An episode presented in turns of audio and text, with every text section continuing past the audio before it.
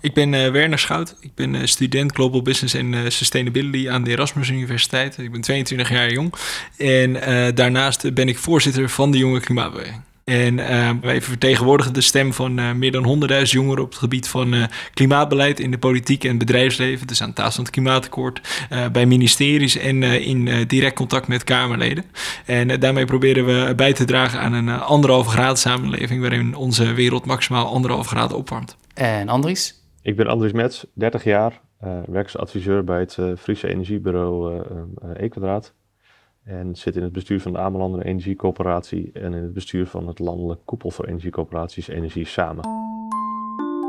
Mooi dat jullie er zijn en welkom aan iedereen bij Hier Opgewerkt, de podcast, seizoen 3, aflevering 3.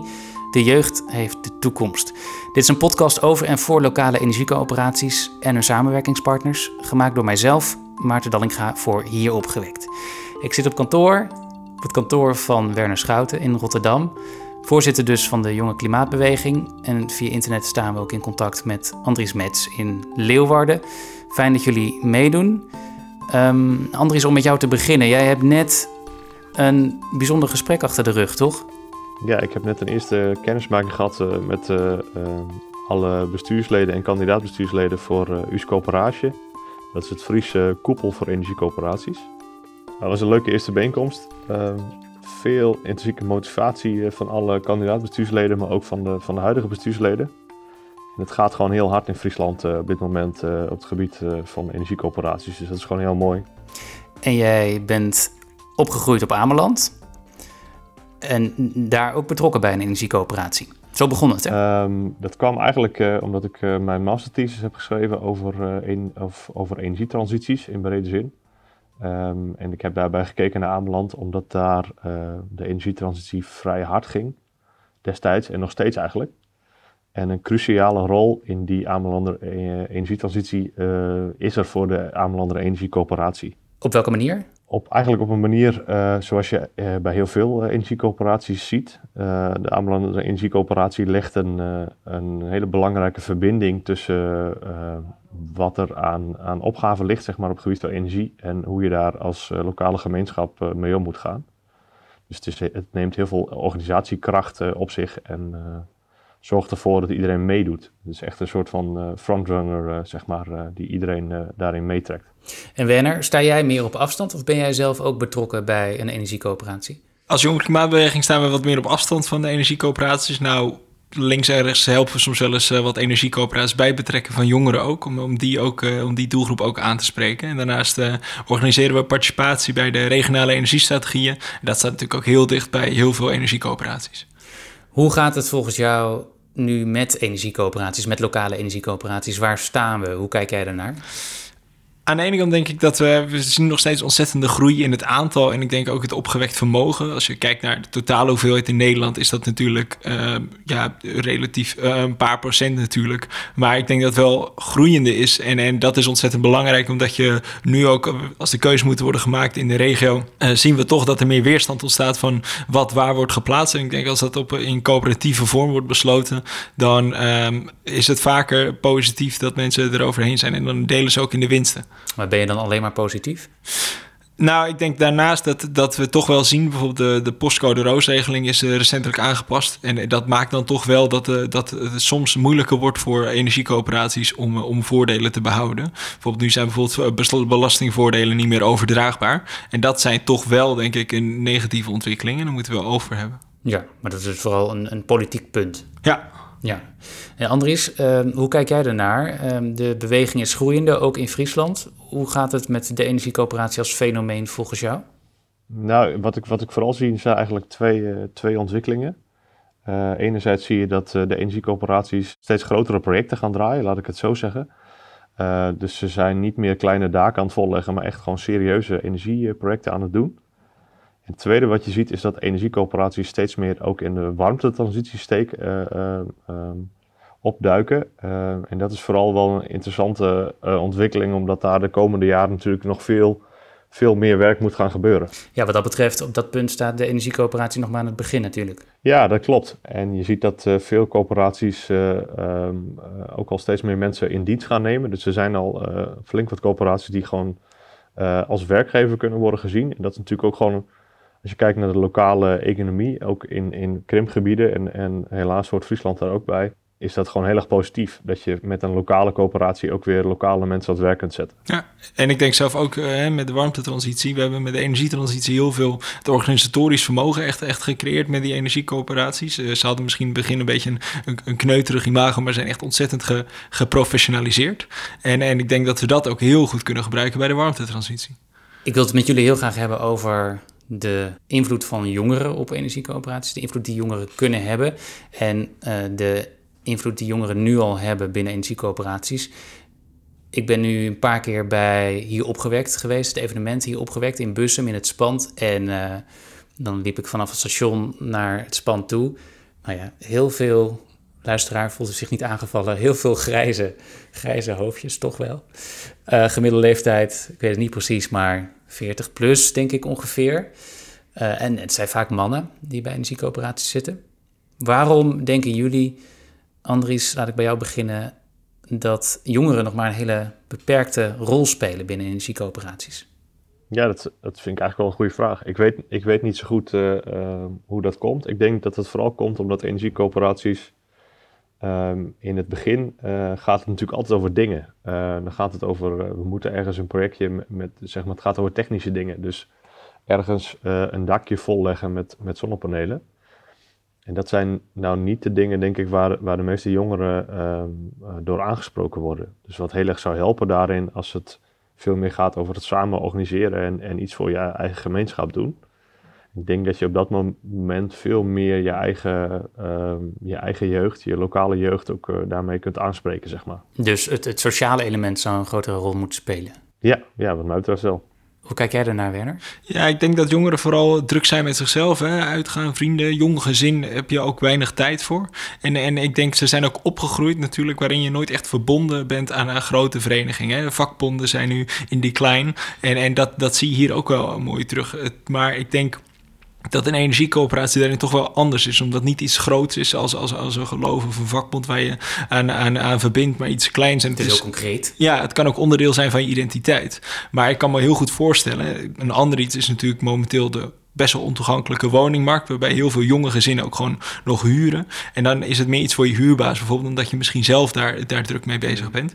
Tegelijkertijd is er ook ontwikkeling gaande dat steeds meer jongeren zich zorgen lijken te maken over de toekomst, over het klimaat. Ja, ja, dus er zijn echt, er is echt groeiende groep om ook bewust te worden. En ik denk dat het ook aan energiecoöperaties de taak is om ze ook de tools te geven van hoe ze daarop kunnen handelen. Ik denk dat jongeren heel veel met een verkenningstocht bezig zijn. En dat, dat is wat dat betreft ook, eh, jongeren zijn een hele unieke groep daarvoor. Want tussen je 20ste en 30 jaar zijn heel veel jongeren die misschien wel twee, drie keer verhuizen. Ze gaan uit huizen van hun ouders en dan gaan ze misschien in een studentenwoning. Vervolgens gaan ze misschien eerst nog los wonen en dan een gezinnetje. En dat zijn allemaal van die transitiemomenten waar ze uh, continu eh, hun gewoontes en routines gaan heroverwegen. Waarbij ze dus ook kunnen overwegen om bijvoorbeeld bij een energiecoöperatie te gaan. Ja, laten we dan eens daarop inzoomen. Kijken hoe energiecoöperaties die jongeren erbij kunnen trekken. Waar zou jij mee beginnen als jij daar werk van zou willen maken bij een energiecoöperatie? Nou, allereerst dus sluit aan bij die transitiemomenten. Dus als er bijvoorbeeld, als je een welkomstpakket krijgt van je gemeente als je net bent verhuisd, stop er een folder van een energiecoöperatie in of zo, zodat ze daar ook bewust van worden. Ehm, daarnaast ga naar de plekken waar, waar de jongeren en de jonge gezinnen zijn. Hè. Die, komen, die komen niet op de, op de participatiemiddagen met koffie en natte cake. Die komen, um, die zijn misschien s'avonds dat ze wat tijd over hebben of zo. Uh, een mooi voorbeeld dat we zien als we het hebben over participatie ook in de regionale energiestrategie is een app genaamd Swipeocratie. Daar kunnen kunnen jongeren... Swipocratie. Ja, dan kunnen ze, kunnen ze swipen, net als Tinder, over wat hun voorkeuren zijn van waar zonnepanelen en waar windmolens worden geplaatst in hun regio. Dat is heel concreet. Ze zijn al bezig met het digitale, in een digitale omgeving. En dan kan je ze daar veel makkelijker vinden. Dus ik zou... Dan wordt het ook leuk. Ja, inderdaad. Dan is het heel aantrekkelijk en, en je vindt ze waar ze al het best zijn. Dus dat is denk ik wel een uh, belangrijkste tip die ik mee dus zou geven. je moet in hun telefoon komen. Ja, ja, dat zou ik echt meegeven aan energiecoöperaties. Andries, waar denk jij aan? Aan wat voor tips of suggesties? Ja, ik ben het daar uh, eigenlijk helemaal mee eens. Je moet, wat, je, wat je uiteindelijk moet doen is, is, is aansluiten bij, uh, bij de beleefwereld van, van jonge mensen. En dat geldt natuurlijk eigenlijk voor alle type mensen die er zijn. Um, ik, ik, zie dat met name ook vaak terugkomen in, in zeg maar de, wat meer de adviesklussen die ik doe. omdat wij daar vaak begeleiding doen van energie- of warmteprojecten. Ehm, en wat je ziet inderdaad dat je met, met die, die avondjes en die middagjes met koffie en natte cake, zoals Werner het heel terecht zet, slechts één groep of één segment zeg maar, van, je, van je gemeenschap bereikt. En uiteindelijk zul je naar al je mensen toe moeten om het gezamenlijk te kunnen organiseren. Dus je moet je goed bewust zijn van wat is nou die beleefwereld van jongeren. En dat kan inderdaad heel goed via apps zoals Swipercratie. Um, maar steek daar tijd in. Uh, verdiep je in de beleefwereld van, van die verschillende doelgroepen. Ja, maar dan helpt het natuurlijk ook al ja, als er al wel wat jongeren bij zitten bij zo'n coöperatie. Je moet, uh, je moet een begin hebben. Ja, je moet absoluut een begin hebben inderdaad. En je, en je, je ziet wel dat er langzaam wat, wat meer mensen nou ja, in, in mijn leeftijdscategorie bijkomen. Dus de, de, de wat, wat jongere mensen met een, met, een, met een jong gezin, zeg maar. Ben jij dan ook om je heen aan het werven? Um, nou, dat valt op zich nog wel, wel mee, maar uh, ik ben wel, uh, onder andere wat collega's van mij die ook in, in diezelfde leeftijdscategorie zitten, wel aan het stimuleren om ook wat lokaal te doen op het gebied van energie, omdat het gewoon heel leuk is om te doen ook. Ja, Werner, je zou ook kunnen zeggen, ja, leeftijd doet er uiteindelijk niet zo heel veel toe. Het gaat om een mindset en het heel erg in hokjes denken als je kijkt naar leeftijd. Klopt, ja, er is ook geen dus waterscheiding. Het is zo belangrijk dat er meer jongeren bij Ja, er is geen, geen waterscheiding tussen generaties. Dus ik vind het echt al heel top eigenlijk dat juist ook oudere generaties zich al bewegen in die coöperatie. En ik denk dat dat ook iets is wat we misschien ook door de tijd over generaties heen een beetje zijn verloren. En dat ze dat nieuw leven in kunnen blazen door juist jonge generaties ermee uh, te bewegen. Want dat is wel een belangrijk iets, inderdaad. Het, het, is goed dat het gebeurt. Daar ben ik echt groot voorstander van. Maar dat het moet wel. Gebeurt? Dat, dat grote energiecoöperaties worden uh, opgezet, dat ze professionaliseren, dat ze steeds grotere projecten aangaan. Maar dan moet ook het worden opge opgepakt door jonge generaties. Hè? Dat is denk ik, want dan raakt het ook dichter bij, bij, bij hun beleving. Steeds wat, wat, ja, wat brengt het de samenleving als jongeren er meer bij betrokken zijn, concreet? Nou, het, is, het, het, het staat ook bepaalde waarden uit. Hè? Een bepaald bewustzijn van waar je energie vandaan komt. Zeker ook als je bijvoorbeeld woont of als je zelf geen, geen dak uh, hebt waar je je panelen op kan leggen. Uh, dan zorgt het wel voor een bepaald bewustzijn van, uh, van wat er nodig is voor je eigen gebruik. En zo'n energiecoöperatie draagt er wel enorm aan bij. Um, en het draagt een stukje bij aan een soort van cultuurverandering. Maar is voor die bewustwording noodzakelijk dat je betrokken bent bij een energiecoöperatie? Kun je op een andere, kan je anders toch ook hebben? Zeker, er zijn, zijn, er zijn heel veel wegen naar Rome, maar ik denk dat zo'n energiecoöperatie daar wel een mooi voorbeeld van is. En het is ook een vrij laagdrempelige manier die soms ook gewoon kan, simpelweg kan renderen. En dat is wel het aantrekkelijke soms, omdat ook... Namelijk? Financieel aantrekkelijk kan zijn om erbij te gaan. Mm. Ehm, dat het nog meer mensen over de streep kan trekken. En dan kan iets vers als de energietransitie, wat een heel abstract en breed begrip is, heel tastbaar worden gemaakt naar een lagere energierekening bijvoorbeeld. Ja, jij vindt ook helemaal geen vies idee om ook daar de nadruk op te leggen wat het je financieel kan brengen. Nee, ik denk juist, ik, ik denk misschien als mensen juist beginnen met dat het financiële voordelen oplevert, dan komen misschien de duurzame waarden juist daarna wel. En dan gaan ze misschien ook andere stappen ondernemen. Andries, wat heeft een energiecoöperatie er volgens jou aan uh, wanneer jongeren meer aanhaken? Wat is het voordeel? Voordeel van het aanhaken van jongeren bij energiecoöperaties um, vind ik met name dat ze weer een ander perspectief brengen. Uh, dus het is denk ik een hele terechte observatie dat over het algemeen mannen zijn met een leeftijd van, uh, jij zegt 40 plus, vind ik nog wel vrij netjes. Maar over het algemeen zijn ze toch nog wel wat ouder ja, volgens mij. Probeer voorzichtig te zijn. Ja, um, um, uh, maar ze zijn dikwijls ook met pensioen. Hè? Dat ja, nee, dat klopt. Dat, dat, klopt. Um, um, maar het brengt een ander perspectief. Dus jongeren hebben toch weer een andere, andere kijk op de wereld. En um, zijn ook. Kan je dat concreet maken, misschien aan de hand van een voorbeeld? Of uit je eigen leven? Uh, Oeh, dat vind ik wel een lastig, inderdaad. wat ik wel zie is dat als je kijkt naar de, naar de, de jongeren zeg maar, die nu vers van de universiteit komen, die zijn veel meer gewend om uh, te denken vanuit verschillende perspectieven. Uh, dus wat je ziet is dat de generaties uh, uh, voor mijn generatie heel erg gewend zijn om, om puur vanuit hun eigen, bijvoorbeeld technische perspectief, naar een, naar een probleem te kijken. En het integraal denken is iets wat, wat steeds meer ehm, komt bij de, de laatste generaties, zeg maar. En dat is precies wat je nodig hebt in een energiecoöperatie, want uiteindelijk moet je dit samen doen. Dus je moet alles samen oppakken. En dat betekent ook dat je alle perspectieven die er zijn in zo'n uh, maatschappij moet je meenemen. Ja, wat, wat, bedoel je dan concreet met integraal denken? Um, met integraal denken bedoel ik uh, dat, je, dat je verder gaat dan alleen uh, als je kijkt naar een, een, een zonneproject op dak. dat gaat niet, niet alleen over zoveel panelen die zoveel kilowatt piek op, opwekken. er zit ook een economisch perspectief bij, zoals Werner net al benoemde. Er zit een maatschappelijk perspectief bij. Er zit wel echt een, sociaal bindend perspectief zit daarbij. En al deze perspectieven moet je bij elkaar brengen. En dat zie je dus ook vaak bij de energiecoöperaties gebeuren.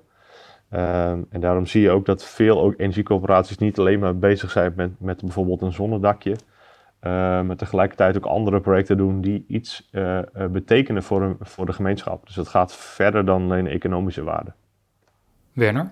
Ja, ik denk dat jongeren inderdaad, wat, Anders ook zegt, een ander perspectief hebben. Hè? Bijvoorbeeld, je ziet dat ze veel minder waarde hechten aan bijvoorbeeld bezit en veel meer aan, aan beleving en ervaring. Dus een hele concrete uit de mobiliteitstransitie je ziet het autobezit onder jongeren uh, ontzettend dalen. En dat is gewoon omdat mensen niet meer zoveel waarde hechten. Hun status niet meer ontlenen aan het bezitten van een auto.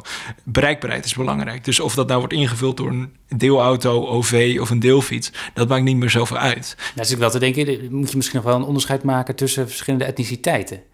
Bijvoorbeeld uh, bij mensen met een Turks of Marokkaanse achtergrond zie je dat het nog wel anders is. Dat er wel meer status nog wordt toegedicht aan het hebben van een auto bijvoorbeeld. Klopt, ja, er zijn de grote culturele verschillen en er zijn ook echt nog wel verschillen binnen de generatie hoor. Maar grosso modo zie je toch wel een, dalende trend in het autobezit onder jonge generaties. En denk ik door bijvoorbeeld al niet al van tevoren aan te nemen dat iedereen maar een auto hoeft te bezitten, kom je ook tot hele andere oplossingen. Dat is wat wij deden bij het klimaatakkoord, maar dat is ook wat jongeren kunnen doen bij de energiecoöperatie. Hè? Je ziet dat ze soms ook nog wel eens een, uh, een uitstapje maken naar het aanbieden van misschien elektrische deelauto's met zo'n energiecoöperatie. Dat zijn allemaal van die, van, van die ontwikkelingen. Um, waar jongeren dan ook best wel uh, hun kijk op kunnen geven van joh, hoe wil ik nou over tien jaar ook nog dat mijn mobiliteit en dat mijn energiesysteem werkt. Het is wel leuk dat je dit zegt, want in aflevering 1 sprak ik Tina de Moor van de Erasmus Universiteit. En zij had het over hoe je als energiecoöperatie je kan specialiseren. Dat je bijvoorbeeld je tegelijkertijd richt ook op het verlenen van zorg. Dat je dat combineert met elkaar. En jij begint over auto's ook op die manier zou je een link kunnen leggen dus. Ja, zeker. Ik denk, uh, er zijn heel veel, we werd net ook al gerept over de warmtetransitie en zo. Zo kan het steeds diverser worden. En dan wordt eigenlijk, denk ik, na de ontzuiling zijn we een beetje de verenigings- en, en, en de, de, communities verloren misschien een beetje. En dat dit weer op een heel lokaal niveau, krijg je weer inbedding in je, in je regio. Ja, kan het dan ook zijn dat, dat je met die energiecoöperaties, dat je dan daarmee weer iets terug kan krijgen van de sociale cohesie die we met z'n allen soms zo missen? Ik, ik denk dat dat wel daaraan kan bijdragen, omdat je dan gezamenlijk voor, voor een, een nobel doel daaraan werkt. En ik denk zeker ook de huidige coronacrisis heeft ons ook weer doen inzien dat we als we dingen verschepen uh, vanuit, vanuit China of zo, dat dat toch heel ver weg is. En dat, het is een soort van herwaardering van het lokale weer. Uh, dat zagen we ook in allemaal epistels en, en, brieven die werden geschreven toen de coronacrisis net uitbrak. En, en een energiecoöperatie kan daar ontzettend goed op inspelen. Jij bent begin twintig. Toch even de vraag, heb jij kinderen? Ik heb geen kinderen. Nee. Andries, heb jij kinderen? Ja, ik heb twee dochters van één jaar en drie jaar.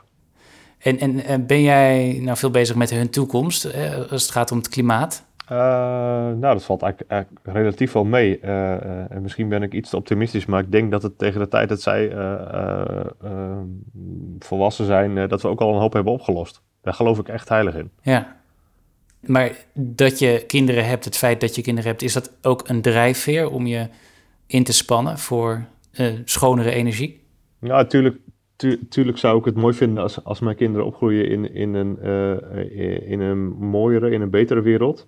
Um, en dat zijn ook wel waarden die wij, die wij uh, aan ze meegeven. Um, dus een bepaalde mate van circulariteit en, en verder kijken dan, dan alleen economisch denken. Dat, dat proberen wij wel mee te geven.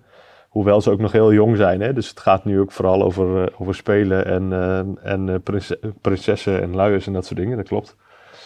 Um, Heb je stoffenluiers? Nee, dat niet. Dat niet. Nee. Biodegradable Barbies? Uh, voor, zover ik weet, voor zover ik weet niet. Ik heb, ik heb, nou, het wordt geen verhoor hoor. Ja. Ik heb in ieder geval geen, geen speelgoed zelf gekocht. We hebben alles gekregen, dus daar heb ik weinig controle over. Maar anders, als jij dan in de krant leest dat het kabinet onvoldoende doet om de CO2-uitstoot in 2030 te halveren, bleek dan uit onderzoek van het Planbureau voor de Leefomgeving en de Raad van State, het rapportages. Wat doet zo'n bericht dan met jou? Denk je dan toch ook aan je twee dochters? Mm, soms, soms. Uh, waar ik vooral ook aan wel, aan denk en, en, en wat ik toch wel anders zie, uh, zie gebeuren in het noorden dan... Uh, is dat er ook wel heel erg veel wordt gepraat en te weinig wordt gedaan, zeg maar. Ehm, dus dat is ook het mooie van, van de wereld van de energiecoöperaties. Uh, die gaat echt over doen. Uh, dat zijn echt projecten die in je, normale, in je lokale gemeenschap plaatsvinden. En dat is dus echt zichtbaar ook. Werner, ik zie een grote glimlach op je gezicht. Ja, nee, ik, uh, ik, ik vind doen ook ontzettend belangrijk. En ik denk dat die, die publicatie van de KEF, dus uh, de Klimaat- en Energieverkenning, uh, waar we het over hebben, die laat dus echt zien dat we te weinig doen. En ehm, ik droom persoonlijk van, van een toekomst waarin mijn kinderen uiteindelijk zich zullen afvragen wat nou precies dat duurzame ontwikkeling was, waar papa en zoveel anderen zich zo voor inzetten, omdat de enige ontwikkeling die zij kennen per definitie duurzaam is. Dus dat is echt, daarvoor uh, sta ik ochtends op en ga ik ook uh, de hele dag door met duurzaamheid. Ja? En, en als ik dan zo'n zo um, zo, zo'n publicatie zie. En dat proef ik ook bij mijn achterban. Ik heb regelmatig contact dus met, met de jongeren die wij vertegenwoordigen. Is een soort van machteloosheid of frustratie over het feit dat we continu doelen stellen, maar dat we continu op het randje blijven zitten. We doen net aan wat genoeg is. We, we, we overschatten zeg maar, het succes wat we qua klimaatwinst gaan halen en onderschatten de kosten. En dat is meer een soort van houding in de politiek, waar wij wel, wat wij wel vaker becommentariëren. Um, want we, hebben, we zien het ook met het Urgenda-doel, wat, we, wat we hmm. waarschijnlijk niet gaan halen. En dan kan je wel een doel voor 2030 stellen. En dan kunnen verkiezingsprogramma's heel groen zijn van verschillende partijen. Maar als ik dan vraag, wat doet dat dan? Met je, dan zegt van ja, het, het, me niet zoveel. We hebben al zo vaak beloftes gehad die uiteindelijk niet werden gehaald. In 2008 was er een programma waarin we beloofden dat we in 2020, dit jaar, 30% CO2-uitstoot zouden reduceren. Terwijl we nu notabene via de rechter, via Urgenda, 25% op zijn minst moeten afdwingen. Dus ik denk dat dat ontzettend afbreuk doet aan het geloven in, in de politiek, hè, in, Den Haag. En uh, daarom pleiten we ook bijvoorbeeld voor een, voor een klimaatautoriteit, die juist over kabinetten heen ook, ook continuïteit kan, kan verzorgen. En met emissiebudgetten ervoor kan zorgen dat we ook echt die daling inzetten. En wie zou er daarin moeten zitten? Ja, dat is gewoon een onafhankelijk college dan. Uh, die, die, die, je hebt het eigenlijk al in, in, in, in het Verenigd Koninkrijk, het Committee on Climate Change.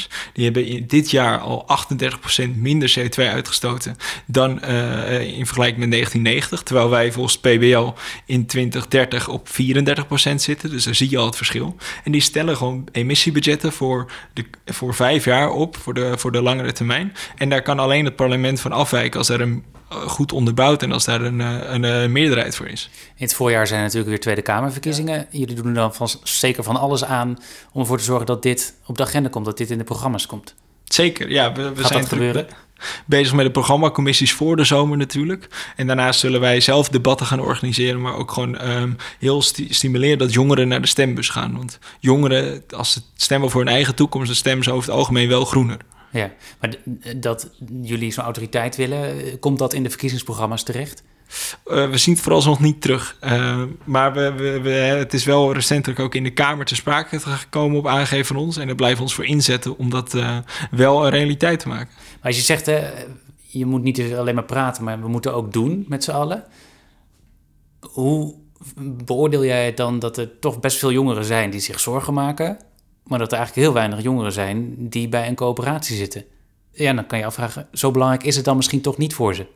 Nee, dat is een heel goed punt inderdaad. Ik denk dat, ze, dat die zorgen oprecht zijn en legitiem. Um, maar inderdaad, wat je toch ziet, hè, ze, gaan ook voor een vakantie even goed nog naar Bali bijvoorbeeld, soms voor een weekje. Dat je denkt van, nou, dat, kan dat ook niet duurzamer? Dat, daar zit ik mezelf soms ook af te vragen. Ik denk wat het, wat het belang is van jongeren, is dat ze dus wel de bereidwilligheid hebben om te veranderen of iets anders op te nemen. Maar dat moet ook op een manier gefaciliteerd worden. En moet makkelijk worden gemaakt, want anders is het heel makkelijk om gewoon met, iedereen mee te lopen en, en doen wat voor de hand ligt. Um, dus daar is zeker een verantwoordelijkheid voor jongeren, maar ook misschien een kans juist voor de omgeving om ze juist net even te triggeren om, om juist daar wel in, uh, in mee te gaan. Probeer je dat zelf ook te doen bij jongeren om je heen? Ze te ja, prikkelen, te triggeren? Zeker, ja. We draaien dus ook campagnes bijvoorbeeld. We hebben een Ik Reis Anders campagne... waarbij ze op een andere manier gestimuleerd zijn... om niet met het vliegtuig of met de bus op vakantie te gaan... maar juist met de trein bijvoorbeeld. En, en ze juist ook andere inzichten te geven. Um, dus ik denk dat dat wel ontzettend bijdraagt. Uh, dus bewustwording en, en vooral ook zo gewoon mogelijkheden bieden. Als je het zo makkelijk mogelijk maakt... dan wordt uiteindelijk duurzaam de standaardkeuze hopelijk. Wat is jouw intrinsieke motivatie om bij te dragen aan de energietransitie? Ik, uh, ik heb tijdens een, een summer school in uh, Zuid-Korea in 2018 um, daar ervoer ik echt eigenlijk de, de ongelijkheid die wordt gecreëerd door milieuvervuiling en klimaatverandering. Want ik, je moet je voorstellen, in, in Seoul, Zuid-Korea, als de wind verkeerd staat, dan wordt vanuit China soms. Ehm, de, de lucht vanuit de industrieën als een deken over de stad in Seoul heen geblazen. En, en dan word je bijvoorbeeld ook, heb je een app op je telefoon die je dan aanstuurt om bijvoorbeeld een mondkapje te dragen. Ehm, en, elke dag als ik dan naar de universiteit liep, meestal met mondkapje, kwam ik dan mensen tegen op straat die meestal nooit beschermd waren, die zich niet net zoals ik konden wegtrekken in goed geventileerde gebouwen. En toen dacht ik van, shit, de mensen die het minst aan bij hebben gedragen, die misschien minder hebben bijgedragen dan dat ik met mijn vlucht naar Zuid-Korea heb bijgedragen, zijn de eerste die er wat negatieve gevolgen van ondervinden. Toen zag ik eigenlijk dat, toen ben ik onderzoek gaan doen en zag ik dat dat eigenlijk onderdeel was van een veel groter probleem. Namelijk het feit dat de rijkste 700 miljoen mensen op onze planeet, waar wij en veel luisteraars toe behoren, net zoveel uitstoten als die andere 7 miljard mensen samen. Ehm, en dat was zo'n ongelijkheid dat ik dacht van ja, daar moet ik wat mee. En toen is mijn hart voor duurzaamheid gaan kloppen. Ja, je, je werd dus in eerste instantie geraakt door de humane gevolgen, door de sociale ongelijkheid. Ja, klopt. Ja, daar is het voor mij echt, echt begonnen. En, en als je dat dus ziet, dan, ja, dan zie je dat is het zowel voor toekomstige generaties als ook voor, voor mensen in ontwikkelingslanden uh, een, een ongelijk strijd. En waarom werd juist jij daar zo door geraakt, denk je? ik denk dat ik, ik was zelf heel erg zoekende. Ik was, al wel, ik was toen ook al een beetje vegetarisch, dus ik had me wel een beetje ingelezen. Maar wanneer je zo'n persoonlijke ervaring hebt, dan, als het, dan raakt het je echt op het niveau van je hart. En dan kan je, dan, um, dan wordt echt doorleefde kennis. En, en toen is het bij mij echt, echt gaan beginnen. En dan krijg je het ook niet meer uit je hoofd. En Andries, um, betrokken zijn bij de energievoorziening zit bij jou in de familie. Hè? Je opa was olie- en kolenboer op Ameland. Je vader was. Uh, actief in de aardgasproductie. Ja, nog steeds. Is dat dan ook de reden dat jij uh, hierbij betrokken bent geraakt bij energiecoöperaties? Nou, ik weet niet, ik weet niet of dat de, dat de, dat de reden is geweest. Uh, uh, maar er zit wel iets met energievoorziening inderdaad in de familie. Inderdaad, mijn overgrootvader en, en grootvader waren kolen- en, en olieboeren op het eiland.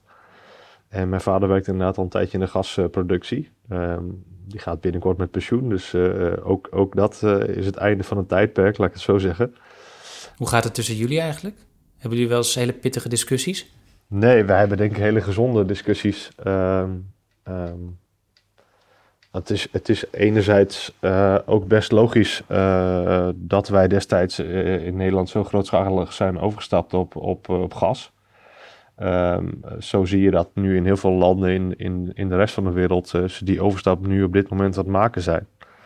Um, als je kijkt naar alle fossielen, is dat natuurlijk wel een van, van de, de schonere. Dat maakt het niet goed, maar dat maakt het wel de beste van de slechtste, om het zo maar te noemen. Andries, heb jij misschien tot slot nog een laatste tip als nou, representant van de jongeren? Um, verdiep je in de, in de wereld van de jongeren en zorg ervoor dat ze de handen uit de mouwen gaan steken en dat ze mee gaan doen en met doen bedoel ik ook echt uh, actief worden bij een energiecoöperatie. Werner? Ik zou willen zeggen, onthoud dat verbeelding het voorportaal is van een nieuwe werkelijkheid. Jongen, jongeren hebben een ontzettend uh, ja, vloeibaar waardepatroon. En het is aan ons om te kijken waar dat op stroomt. En laten we ervoor uh, zorgen dat we ze duurzaam inspireren met de, de, de schoonheid van, van energiecoöperaties. Dus ga vooral die koppeling aan. En dan hoop ik dat we samen toewerken naar een toekomst met, met harmonie tussen mensen, milieu en welvaart. Mooi. Dat heb je vaker gezegd, hè? Of niet? Uh, die laatste, dat is me niet heel geheel onbekend. Nee. Dankjewel, Werner Schouten. Fijn dat ik hier welkom was in Rotterdam. Voorzitter dus van de Jonge Klimaatbeweging. En vanuit Leeuwarden, dankjewel ook Andries Mets van E-Kwadraat en een heleboel meer. Energie samen. um, en uh, ook de Fries, Frieske... Uh, Us Coöperatie heet het. Oké, okay. ga ik niet herhalen. dankjewel, Andries. Dit was de derde en laatste aflevering van seizoen 3 van Hier Opgewekt de podcast, gemaakt door mij, Maarten Dallinga, in opdracht van Hier Opgewekt. Ben je enthousiast? Dan vind ik het heel leuk als je een bericht over deze podcast deelt op je website of sociale mediakanalen. Reageer kan door te mailen naar info.hieropgewekt.nl. Bedankt voor het luisteren en hopelijk tot volgend jaar en hopelijk dan weer in bussen. Dag!